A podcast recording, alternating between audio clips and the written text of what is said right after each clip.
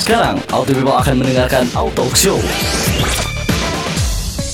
88.9 Auto Radio di Auto and Sport FM Channel Auto People. Gue Dita Wikarta udah balik lagi nih Udah siap banget temenin Auto People Dan ngobrol-ngobrol di Auto Show. Cuman memang gue juga udah kasih tahu ya Auto Show kali ini memang berbeda Biasanya. Yang datang Itu teman-teman dari komunitas mobil, motor, ya sepeda ya Beda-beda gitu. Tapi kali ini dari komunitas barista. Ada Reborn of Barista Yeay. Yeay. Mana dong suaranya? Ah gimana katanya semangat nih ya.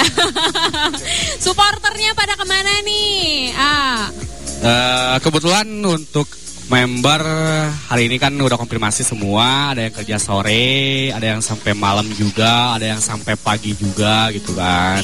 Hmm, jadinya Kebetulan, ya banyak yang uh, datang ya. Tapi usai nanti katanya pada datang gitu kan. Okay. Mungkin telat. Oke, okay. ya pokoknya kita ada tiga segmen. Nanti uh, ditungguin aja ya. Ya, okay. on the way ke sini yang penting hati-hati ya. Oke deh, kalau gitu kita kenalan dulu dari yang duduk sendirian dulu. Ada siapa nih? Oh, uh, nama saya Derry. Siapa? Derry. Derry. Derry. Kak Derry ya. ya. Mm -hmm. uh, saya salah satu dari anggota Ribbon of Barista juga, perwakilan dari teman-teman juga. Mm -hmm. Uh, sini semoga saya bisa mengedukasi ke teman-teman Siap. Lebih mengenal kopi jauh lebih dalam.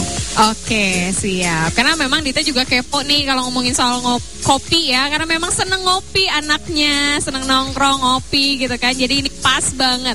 Oke, udah udah lama di Reborn of Barista ini. Uh, kebetulan dari pertama awal kita ngebentuk, saya uh, sama bareng teman-teman dari awal juga. Wah, luar biasa. Tepuk tangan dulu dong. Oke, okay. ada siapa lagi Kang?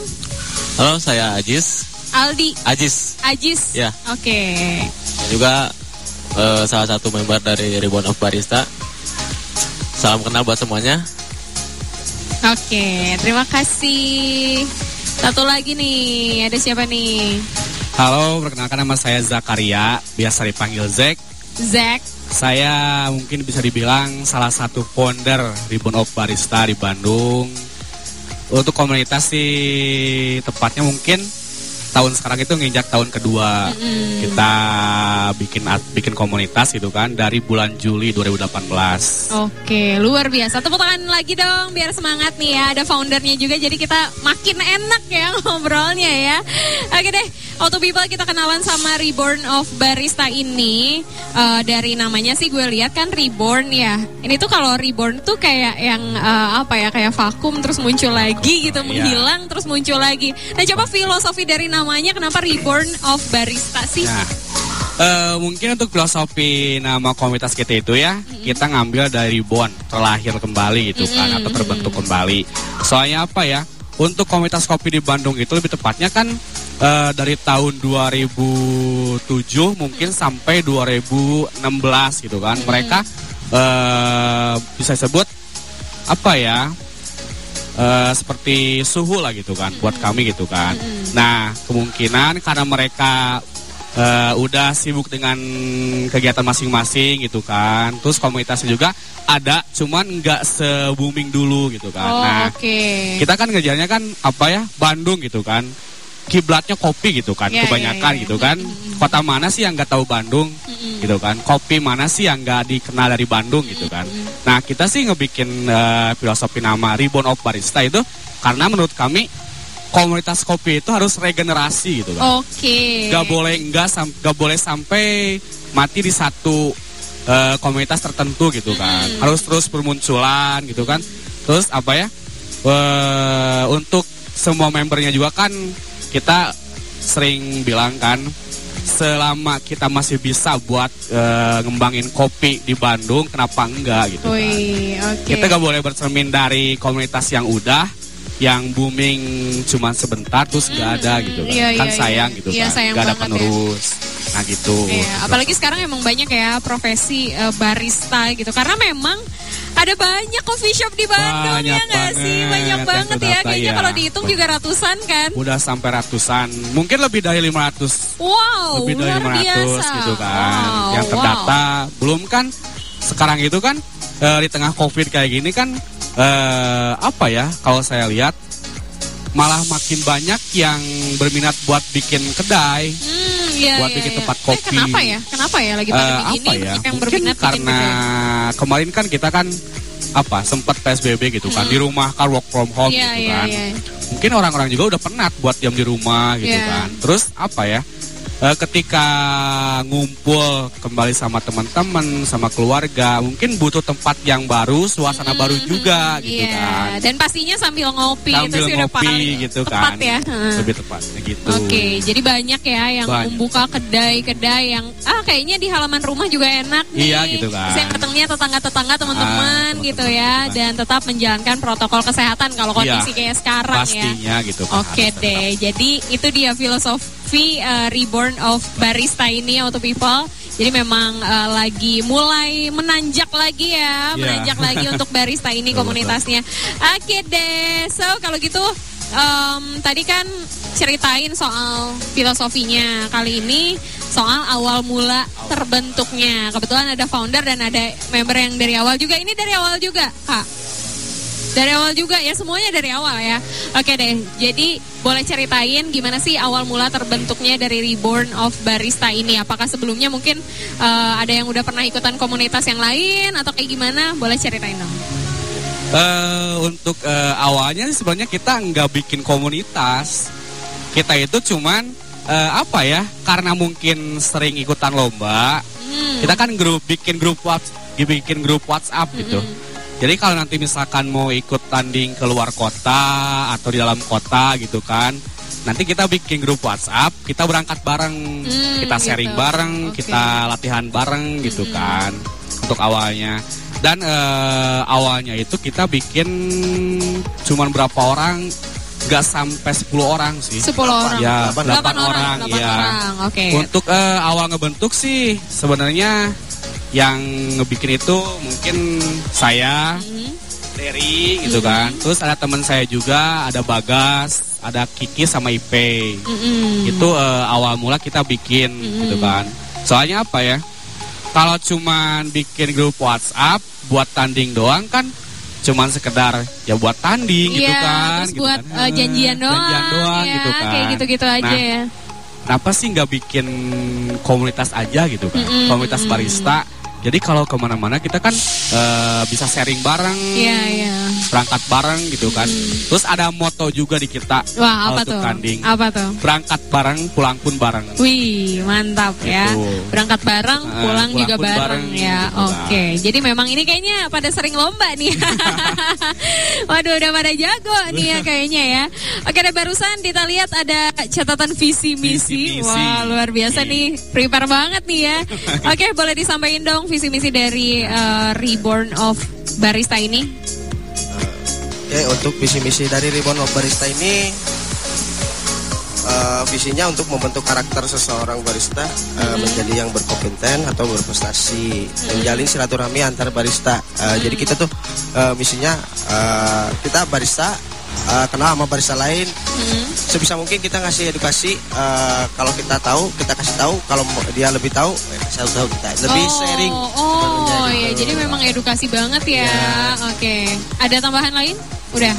Oh, untuk tambahan lainnya sih menjalin silaturahmi antar barista juga supaya lebih gimana Jadi pada kenal Nah, gitu iya, ya, iya, nah, tadinya gitu. kayak ya kita juga sering ngopi di tempat lain, terus ya Nah. udahlah, cuman ngopi doang. Tapi kali ini bisa menyapa kan, Bisa, hey, gitu kan. kenal nih sama baristanya gitu kan, seru banget nih Oh, ternyata ya. juga Oke, itu dia visi misinya.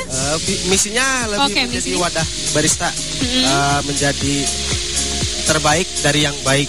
Wih, Nah, gitu kan. Eh, jadi background kita tuh eh, beda-beda sebenarnya sih. Ada yang lebih ke latte art, ada yang di manual brewing. oh Nah, oke. Jadi eh, perbedaan itu bagaimana kita bisa menyatukan perbedaan itu. Jadi nah di situ menjadi wadah yang berprestasi. Jadi saling sharingnya juga ada di sini. Saling sharingnya ada ya. Hari ini juga kita sharing nih ya, karena kita kepo kepo banget nih ya soal kopi nih ya. Oke deh, ada lagi? Udah. Eh, cukup Cukup eh, ya, pasti yang baik. Yang baik-baik ya pastinya. Oke, luar biasa nih ya. So kalau untuk jumlah member udah ada berapa berarti selama 2 tahun ini? Kalau untuk jumlah member sih kebetulan kita ada sekitar 25 25. Eh, 25 member. Cuman terbagi nggak cuma di Bandung doang. Kalau membernya ada yang dari luar kota seperti Oh, Garut, ada juga. Terus Jakarta, Bekasi, Tasik juga ada untuk membernya gitu Oh kan. ternyata menyebar ya Iya. dari 20 orang itu menyebar. Jadi mungkin kayaknya kalau main-main keluar kota gampang gitu ya kan. soal kopi ya. Oke, tapi ada ada member cewek nggak sih? Ini cowok semua kan ya bertiga. Ada member cewek nggak? Eh, untuk member cewek ada, ada juga gitu kan. Mungkin juga. apa ya bisa disebut member cewek yang satunya ini mungkin disebut paling bungsu. Paling bungsu. Ya, paling bungsu. Kenapa? Paling baru? Soalnya apa ya? Paling baru terus kan eh sering apa ya? Sering ngintil ke mana-mana gitu. buat sharing ada, gitu ya kan, ampun. buat sharing. Kebetulan mungkin dia lagi kerja tadi kan. Lagi kerja. Karena apa ya? Buat kita itu kenapa enggak buat eh, apa ya sharing sama mereka yang mau belajar gitu kan. Mhm, Soalnya iya. kebanyakan kan untuk barista itu ya udah gue tahu ilmu apa yang di sharing mungkin kebanyakannya gitu kan. Sedangkan kan gitu ya. orang yang baru belajar itu kan pengen lebih ngerti gitu Iya, kan. iya, iya, iya. Gak mungkin enggak buat kita ajarin gitu kan. Hmm. Kita sharing edukasi yang baik tuh kayak gimana. Karena jadi barista itu bukan cuma pintar bikin kopi, Hmm, tapi tapi attitude harus dijaga. oh iya iya iya. Gitu iya. kan. Luar biasa ya. untuk jadi barista itu. Oke, itu dia kerennya barista Iya ya. kan? Oke, tepuk tangan lagi dong. Biar makin semangat nih ya. Asik banget ngobrol sama barista. Oke, jadi memang boleh ya cewek-cewek yang barista Boleh, boleh. pengen Boleh, gabung di Reborn of uh, Barista ini. Jadi ya seneng lah pokoknya banyak cowok-cowok. Oke deh, barusan uh, dikasih tahu nih ya sama Derry Derry. ya, Derry em, katanya ada banyak edukasi gitu yang disampaikan. Nah, emang kalau dari Reborn of Barista ini kegiatannya ngapain aja sih? Untuk kegiatannya sendiri untuk Reborn of Barista itu setiap minggunya kita ada session cupping dan sharing. Oh, sharing. Uh, di salah satu kafe teman-teman kalau misalkan kafe teman-teman lagi ada uh, low atau enggak enggak di weekend, nah kita bisa ngisi di tempatnya mereka. oh, oke. Uh, di sana banyak yang harus dibahas juga tentang komunitas, tentang kopi. Jadi uh, ilmu baru Mhm. sama uh, kenal uh, teman-teman yang baru. Teman-teman baru, tempat Iya, baru juga ya. iya. Oke, jadi eh, itu seminggu sekali ya. Seminggu sekali wajib. Bahas tentang Iya. kopi, tentang barista, Iya. banyak hal ya. Banyak Karena Oke ada deh. satu slogan untuk Reborn of Barista, Apa? jangan pernah berhenti untuk belajar. Wih. Karena hidup luar itu biasa. untuk belajar. Ya betul sekali ya. Tapi memang susah nggak sih jadi barista? Sebenarnya dibilang susah, susah. Dibilang Susah ya? gampang juga gampang. Yang Oke. penting mental kita dulu aja. Kalau Oke. mental kita udah pas, skill eh, pasti Oke, dapat. siap. Nanti kita bahas lebih lanjut lagi. Yap. Em, ini selain kegiatan rutin yang tadinya ngumpul buat apa tadi sharing session, Sharing ya, session. ada juga eh, mungkin ada acara lainnya, mungkin ada event rutin nggak sih? Kayak misalkan soal lomba tuh, biasanya lomba tuh dari mana dan lomba apa sih sebenarnya? Kalau eh, kita kan dari weekend kan tiap weekend kita ngadain sharing session gitu kan. Nah kalau untuk eh, event lomba, kebetulan kita juga sering ngadain lomba gitu kan di beberapa tempat. Nah eh, lombanya itu mungkin karena kita eh, apa ya basicnya kebanyakan dari latte art gitu kan. Nah kita juga eh, ngadain lomba itu latte art, tapi nggak mungkin menutup kemungkinan buat ke depannya kita ngadain lomba kayak manual brewing, Oh, kopi. oke. Tapi untuk sekarang itu kita lagi nggarap dua event yang mau dibikin itu eh, acara lomba latte art. Latte Itu, art. Iya latte art. Itu untuk member aja atau mungkin umum untuk barista Terbuka untuk umum, untuk umum, Terbuka terbuka untuk umum. Iya. Oke, wow. Acaranya kapan? Acaranya eh, untuk bulan sekarang itu masih nyari tanggal yang tepat. Mm-mm. Tapi kemarin sih udah di tanggal 28 Tanggal 28 Ya, di bulan ini, di bulan Oktober. ini Oktober. Oke, udah nggak sabar nih ya. Pengen tahu sih sebenarnya kalau lomba kayak latte art kayak gitu tuh kayak gimana gitu kan? Apa yang dinilainya tuh apa aja gitu? Biasanya apa aja sih yang dinilai kalau dari latte art? Kalau untuk eh, latte art biasa yang dinilai itu kan tergantung sistem eh, penilaian juri juga kan sama sistem eventnya juga. Hmm. Kalau misalkan emang eh, throwdown kayak gitu kan battle itu biasanya yang dinilai itu dari tingkat kesulitan, Hmm. simetrikal gambar, kontras sama form quality biasanya Oh, gitu. oke. Luar biasa ya. Karena Luar memang eh, kalau gue lihat juga nih kayak di sini lagi di social hub lagi bikin kopi. Kayaknya kalau misalkan beloknya apa miring dikit tuh jadinya beda ya hasilnya Iya, ya. pasti. Iya kan? Kayak Iya. waduh waduh ini terlalu ke kanan, waduh ini terlalu kayak gini, goyang dikit aja langsung jadi Iya. beda ya. Ternyata sulit juga. Sulit. Nanti ajarin ya, ajarin ya. Oke deh. ajarin. Auto People kita masih banyak obrolan soal kopi, barista, komunitas dan yang lainnya pastinya tetap di Auto Show bersama Reborn of Barista. Auto People sedang mendengarkan Auto Show. Auto Show. Auto Show. 88.9 FM Auto Radio di Auto and Sport Diamond Channel Auto People balik lagi di Auto Show spesial kali ini bersama Reborn of Of Barista. Yeay, ini gue yakin sih kalau misalkan pada hadir bakalan rame Iya. banget nih apalagi ngobrolin Banget, kopi nggak beres-beres Nggak ya. beres-beres. Ya nggak sih? Iya sih. People nih ya percaya nggak kalau dari tadi kita off air itu kita ngobrol ya. Sampai ini suara udah nggak ada ya. Tapi memang kalau ngomongin kopi nggak beres-beres ya. Jangan. Gak beres Ya, beres. bener gak sih? Kayak banyak aja pembahasannya. Jadi pantas aja kalau misalkan pas teman-teman dari Reborn of Barista ini ngumpul kayaknya nggak habis pembahasannya. Ya nggak sih, ya kan. Oke deh, so kali ini eh, kalau tadi gue ngomongin soal komunitasnya, kali ini kita ngomongin soal kopinya nih, Kopi. salah satu minuman favorit gue nih ya. Makanya kepo banget soal kopi. Kali ini gue pengen tahu dulu soal jenis-jenis kopi sendiri. Pasti kan ada banyak ya. Tapi kalau yang gue tahu kan ada apa? Arabica, robusta, Arabica, robusta, Liberica. liberica. apa? Liberica. Liberica. Nah itu dan gue cuman sebatas tahu itu aja gitu. So gimana sih? Coba boleh dijelasin sama teman-teman dari uh, Reborn of Barista soal jenis-jenis kopi. Ada apa aja? Eh, sini beberapa jenis kopi eh, yang eh, terutama yang di Indonesia ya kebanyakannya ya. Sini ada Arabica, ada Robusta, sama ada Liberica juga. Oke. Nah, untuk tekstur Arabica sendiri eh, cenderung lebih asam. Lebih asam. Asam, Oh betul. jadi kalau yang asam Arabica. Arabica, udah pasti Arabica. Eh, untuk yang bitter atau pahit biasanya Robusta. Yang pahit, Yang pahit robusta. Robusta. Oke. Untuk Liberica sendiri eh, beda dari kopi yang lain.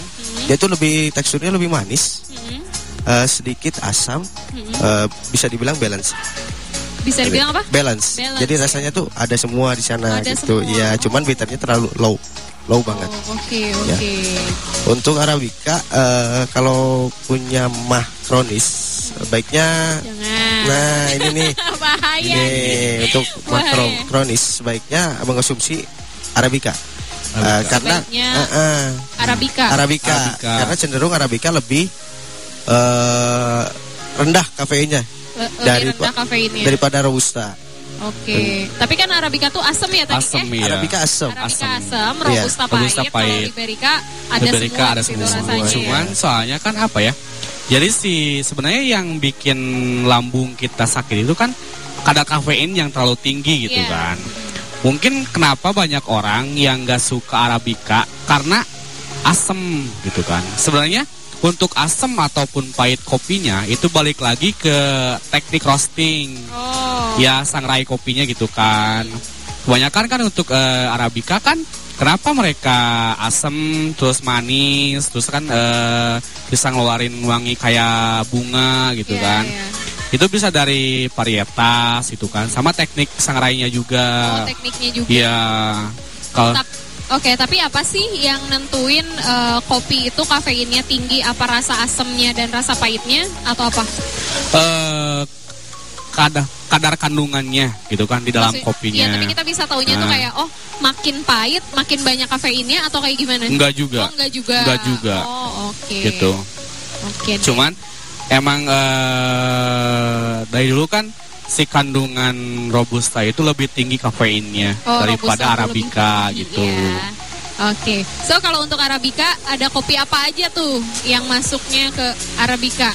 Eh, untuk eh, itu jenisnya. Oh itu Eh, jenisnya. Iya jenisnya. Oke. Jadi eh, tekstur yang dikeluarkan Arabica ya asam pasti. Hmm. Untuk robusta pahit. Nah untuk Liberica sendiri tadi sudah dijelaskan eh, manis sama ada rasa acidnya juga. Hmm. Cuman tidak terlalu tinggi. Ya ya Gitu. ya. ya. Oke. Untuk perbedaan Arabica sama robusta dari jenis beansnya juga beda. Oh beda bedanya apa tuh? Kalau Arabica lebih oval, eh, lebih oval. Iya. Kalau robusta itu lebih lebih pipih. Oh lebih Jadi pipih, eh, lebih besar dari Arabica. lebih besar. Nah, yang lebih besar lagi ada Liberica nih. Oh Liberica Iya. lebih besar Liberica lebih besar. Libe- Liberica lebih besar. eh, jadi eh, paling besar dari kopi yang sebelumnya saya tadi. Hmm. Eh, jadi apa ya? Eh, masih banyak sih. Masih banyak Iya, ya jenis-jenis kopi. Cuman yang paling populer di Indonesia tuh ya dari tiga ini. Iya, karena Iya. memang kalau misalkan datang ke coffee shop itu pasti ditanya kopinya mau arabica apa robusta. Iya, Nah, pasti gitu kan. Kalau misalkan uh, buat all the people mungkin yang belum tahu nih, aduh bedanya apa ya? Jadi bingung disuruh milih arabica Iya. apa robusta bedanya apa sih? Biasanya kalau gue suka nanya ya, Iya, iya. bedanya apa sih mas? Ah, gitu kan. Nah jadi sekarang udah tahu nih kalau arabica tuh uh, rasanya lebih asam. Lebih asem. Kalau auto people pengen yang strong, Strong pahitnya pahit, bisa iya. coba Bisa. robusta. Robusta. Ya, tapi kalau yang uh, pengen ada dua-duanya, liberica. Liberica Oke, gitu kan. siap. Ternyata itu dia ya em, apa jenis-jenis kopi. Iya. Dan mungkin rasa yang dikeluarkan itu kenapa beda tuh berarti dari apa aja? Dari treatment kopi sama teknik roastingnya juga, Oh, teknik oke. sangrai kopinya gitu kan. Kalau yang bikin jadi asem itu kayak gimana tekniknya? Eh, kalau bikin jadi asam itu kan karakter dari kopinya sendiri. Oh. Cuman meminimalisir mau terlalu asam atau misalkan mau pahitnya itu kan eh, kita bisa ngakalin kebanyakan sih dari roasterinya kita ngakalin dari teknik roasting gitu kan. Misalkan roastingnya mau light, light to medium, medium to dark atau dark roast gitu kan. Itu Oh, Oke, oke. Jadi Tempat memang tambahan lagi juga ada Oke. eh, proses penanaman dari Proses ketinggian. penanaman. Hmm, Oke, Nah, ini. boleh dijelasin? Eh, untuk Arabica sendiri eh, ditanam dari 6, ra- eh, 1500 sampai 1800 kurang lebih dari Oke. MTBL Iya, iya, eh, iya. di bawah permukaan laut. Kalau untuk Arabica di bawah 1000 jujur bisa. seribu. Iya, Robusta itu udah bisa. di bawah 1000. Oke, oke. Eh, bahkan robusta bisa ditanam di depan pekarangan rumah. Oh bisa Iya. ya kalau robusta Iya, ya. robusta itu. Cuman mungkin kalau arabica lebih sulit ya Lebih berarti. sulit, rentan terhadap penyakit Rentan juga. terhadap penyakit Oh, gitu kan. kenapa tuh? Karena eh, si Arabica tuh punya kekebalan daya tubuh kalau manusia ya. Oh. Lebih rentan daripada robusta. Kalau robusta itu lebih kuat daya tubuh tubuhnya. Oh berarti memang treatmentnya juga spesial Iya, ya, spesial beda juga, ya beda. berarti ya. Oke, terus kalau liberica? Liberica sama penanamnya kayak Arabica juga, cuman dia lebih spesial lagi. Lebih spesial lagi Iya, gimana? dari satu pohon eh, misalkan taruh eh, estimasinya 5 kilo, dia bisa jadi nyusut 3 kilo. Oh, karena kenapa? eh, disortir.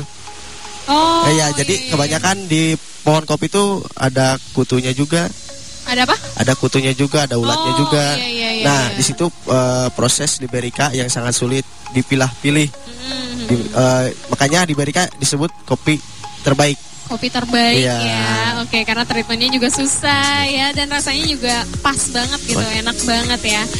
Oke deh, dari eh, jenis-jenis kopi ini pastinya kan eh, kita juga harus tahu ya kualitas kopi yang bagus itu Iya, kayak gimana. Nah, sebenarnya kopi yang kualitasnya bagus tuh kayak gimana sih yang dilihat dari mata barista gitu? Untuk kopi yang kualitasnya bagus itu kan eh, ada beberapa sih gitu ya. Misalkan dari beberapa apa ya namanya ya.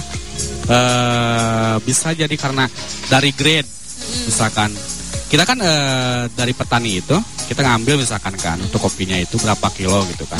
Nanti kan kita sortir lagi. Oke. Itu ada grade A, B sampai C gitu kan. Ada juga sampai D yang paling apa ya disebutnya kayak sisaan gitu kan Oh, tapi masih Ah. bisa dipakai. masih bisa dipakai Oke. juga sebenarnya kan cuman masih bisa dipakai ketika si beans itu nggak ada kayak defect gitu kan kayak cacat terus kayak jamur gitu kan soalnya kan nantinya bisa kalau misalkan dari grade yang paling bawah dipakai tapi mereka nggak lihat dulu sortirasi beansnya gitu kan ada jamurnya atau bisa banyak atau enggaknya gitu kan nanti kan malah jelek ke tubuh kitanya gitu kan Hmm. dari jamur Iya, iya, tersebut ada gitu ada kan efeknya juga. Iya ada efeknya juga kita. gitu kan Kalau untuk eh, kualitas kopi yang bagus ketika kita seduh gitu kan.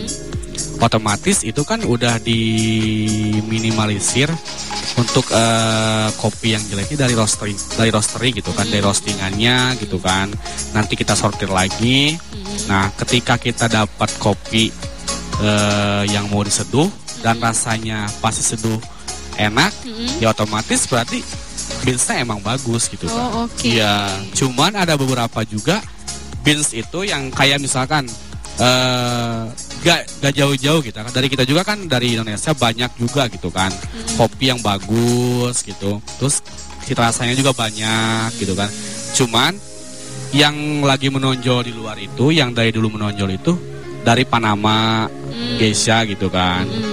Soalnya apa ya? Untuk eh, mungkin untuk testing notes-nya sendiri itu lebih unik gitu kan Lebih unik. lebih unik juga. Mereka itu nggak terlalu banyak eh, rasa, cuman intensitasnya kuat. Hmm. Misalkan eh, dari kopi itu rasanya eh, buah anggur, pure anggur kerasa banget gitu kan. Oh, kerasa banget Kerasa ya. banget. Terus eh, kayak aroma misalkan di flowery, misalkan eh, kayak wangi mawar, jelas banget wangi mawar. Jelas banget. Gitu. Wow.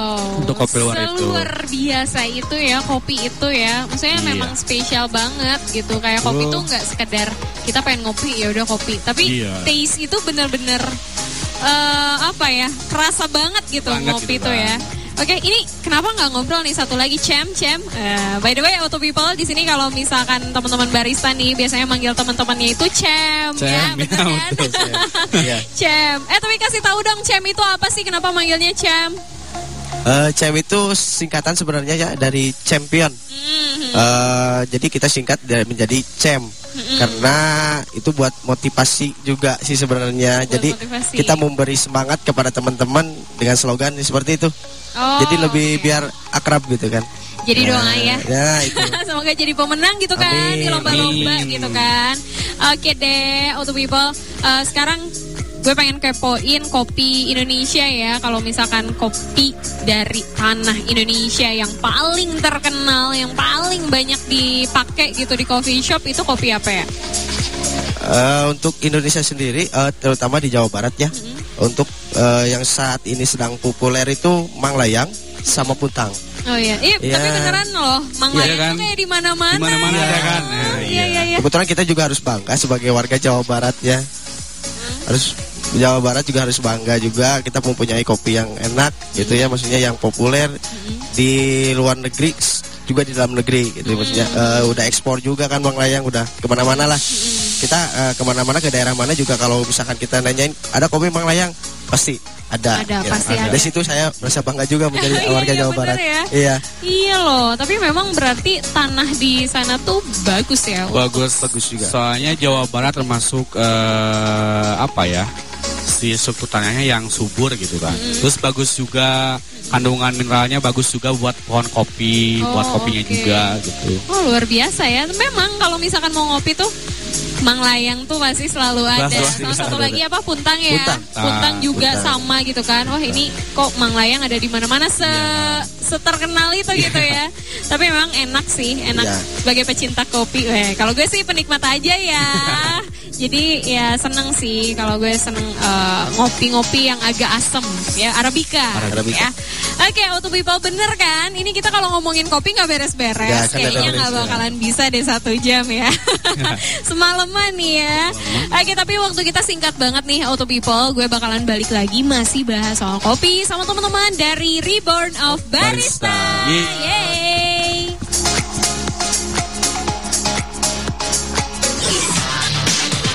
Auto People sedang mendengarkan Auto Show.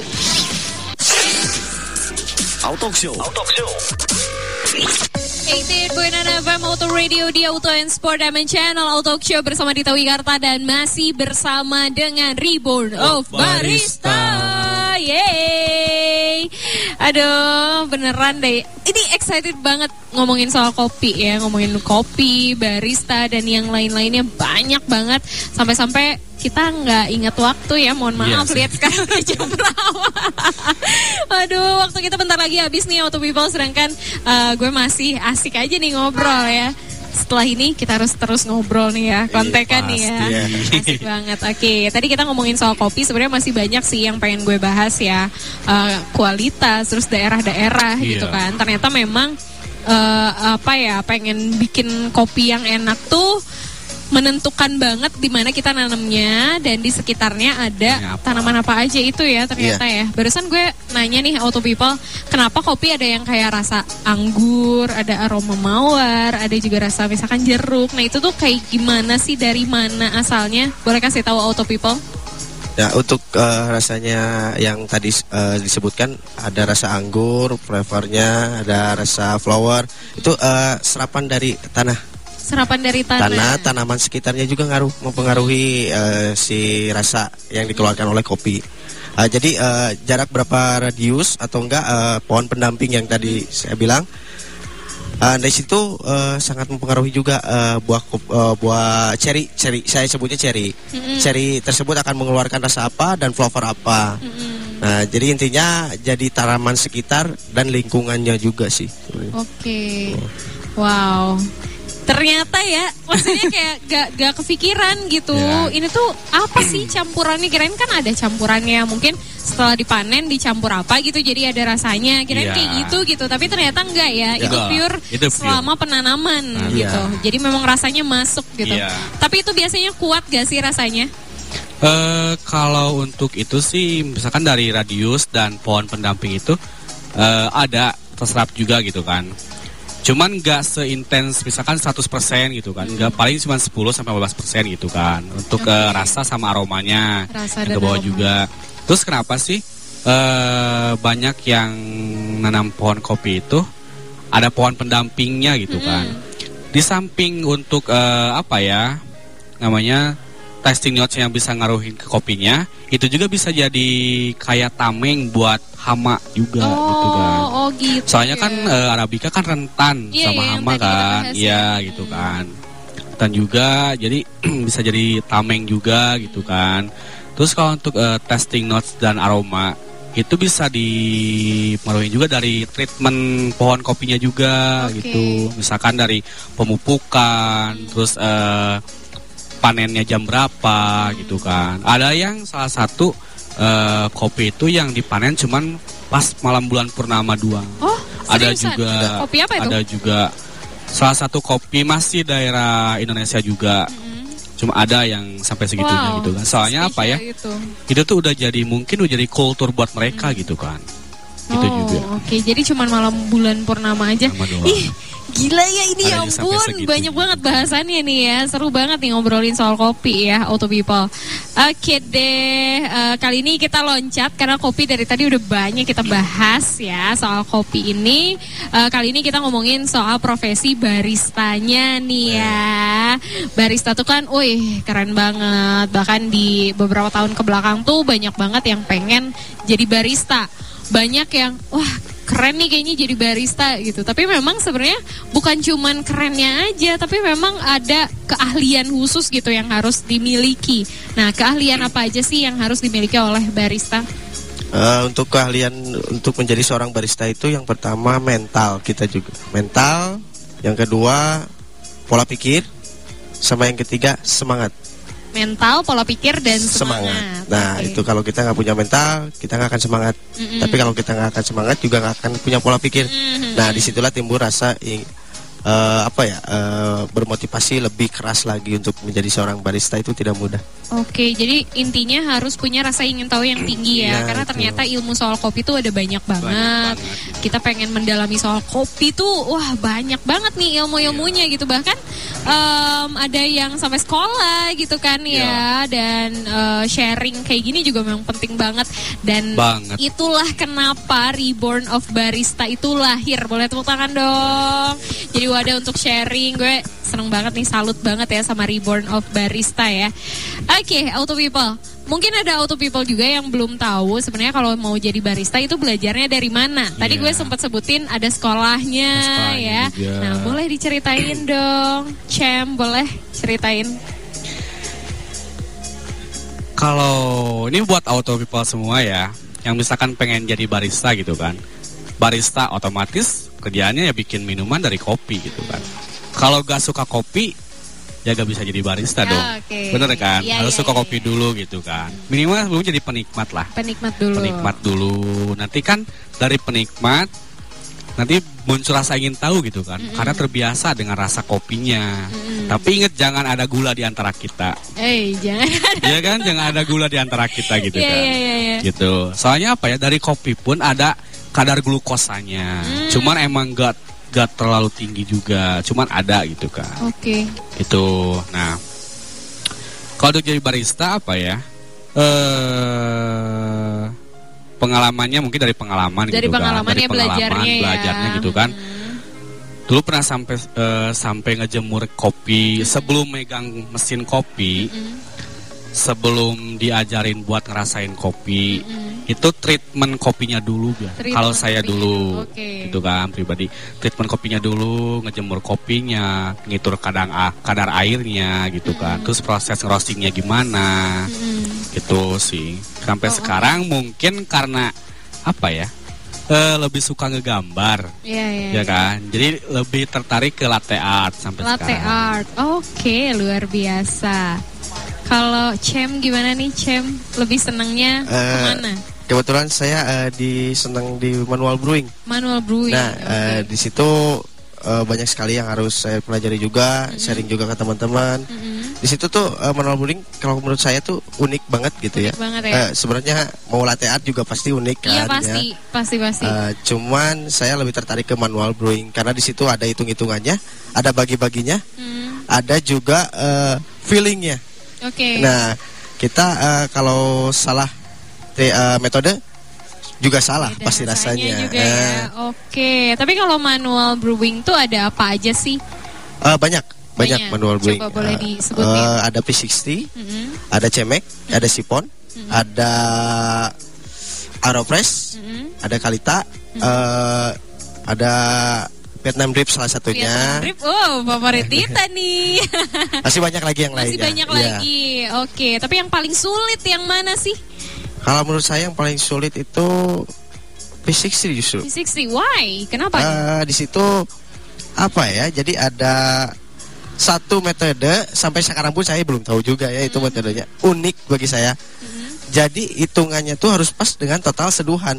Ah, total Seduhan. Seduhan. Nah, Oke. eh, ketika kita puring itu namanya puring ya, bak- eh, nurunin air dari kettle itu yang kayak angsa. Iya, iya, iya. Nah, iya. di situ eh, pasti eh, gramasinya di atas sama di bawah pasti beda, Mm-mm. pasti beda.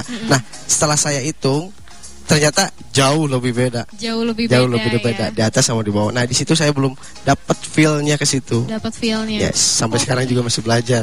Sedetail itu ya, Iya. kayak pengen bikin eh, V60 yang enak banget, yang memang eh, apa ya, memang kualitasnya tuh bagus Iya. banget gitu ya. Wah keren banget. Cem gimana Cem?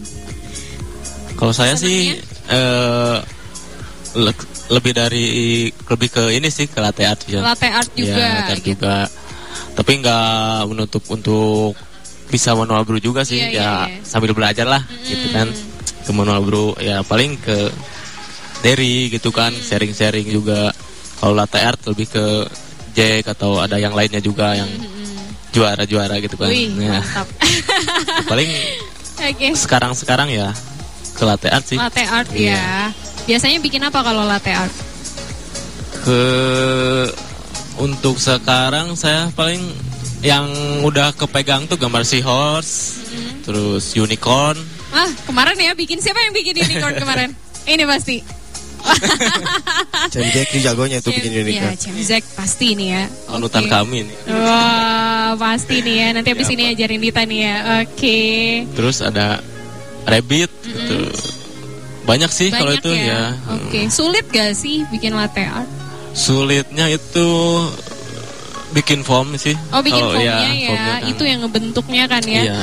Wih, mantap banget nih. Oke deh, Auto People. Jadi itu tuh salah satu, salah banyak kayaknya, ya, salah banyak alasan. Kenapa? Kalau kita pengen kopi yang enak dan berkualitas dan juga bentuknya bagus karena ada latte artnya, rasanya pas gitu dengan metodenya ya. Itu tuh ya kenapa gitu eh, kopi mahal gitu ya. Iya. Kenapa minum kopi itu mahal? Ya memang karena prosesnya tuh panjang, Panjang banget. banget, Mulai iya. dari penanaman aja treatmentnya khusus, terus juga ketika pembuatannya khusus juga, ada hitungannya dan yang lain-lain. Keren banget tepuk tangan dong buat barista Kota Bandung. Nih keren-keren nih ya. Jadi memang bikin kopi itu nggak sembarangan cuma nyeduh doang ya. Oke, so buat auto people yang pengen juga mungkin belajar gimana sih cara jadi barista, gimana cara bikin kopi, gimana pengen belajar latte art, pengen belajar uh, manual brewing, kayak gimana sih dan wah kayaknya pengen gabung di Reborn of Barista ini. Kayak gimana sih caranya? Boleh kasih tahu dong. Kalau untuk eh, mungkin ada au- auto people yang pengen belajar gitu kan, bikin kopi, terus kursus juga, sharing juga. Kalau mungkin untuk kursus kita juga eh, apa ya, ngadain kelas juga gitu kan untuk latte art, manual brewing sama basic barista juga. Nah untuk eh, mungkin di luar sana yang barista-barista yang belum tahu gitu kan, belum kenal, yuk kita sharing gitu kan. Kita biasanya eh, ngumpul di mana aja sih gitu kan. aja. Tapi kebanyakan di daerah Dago biasanya kita ngumpulnya.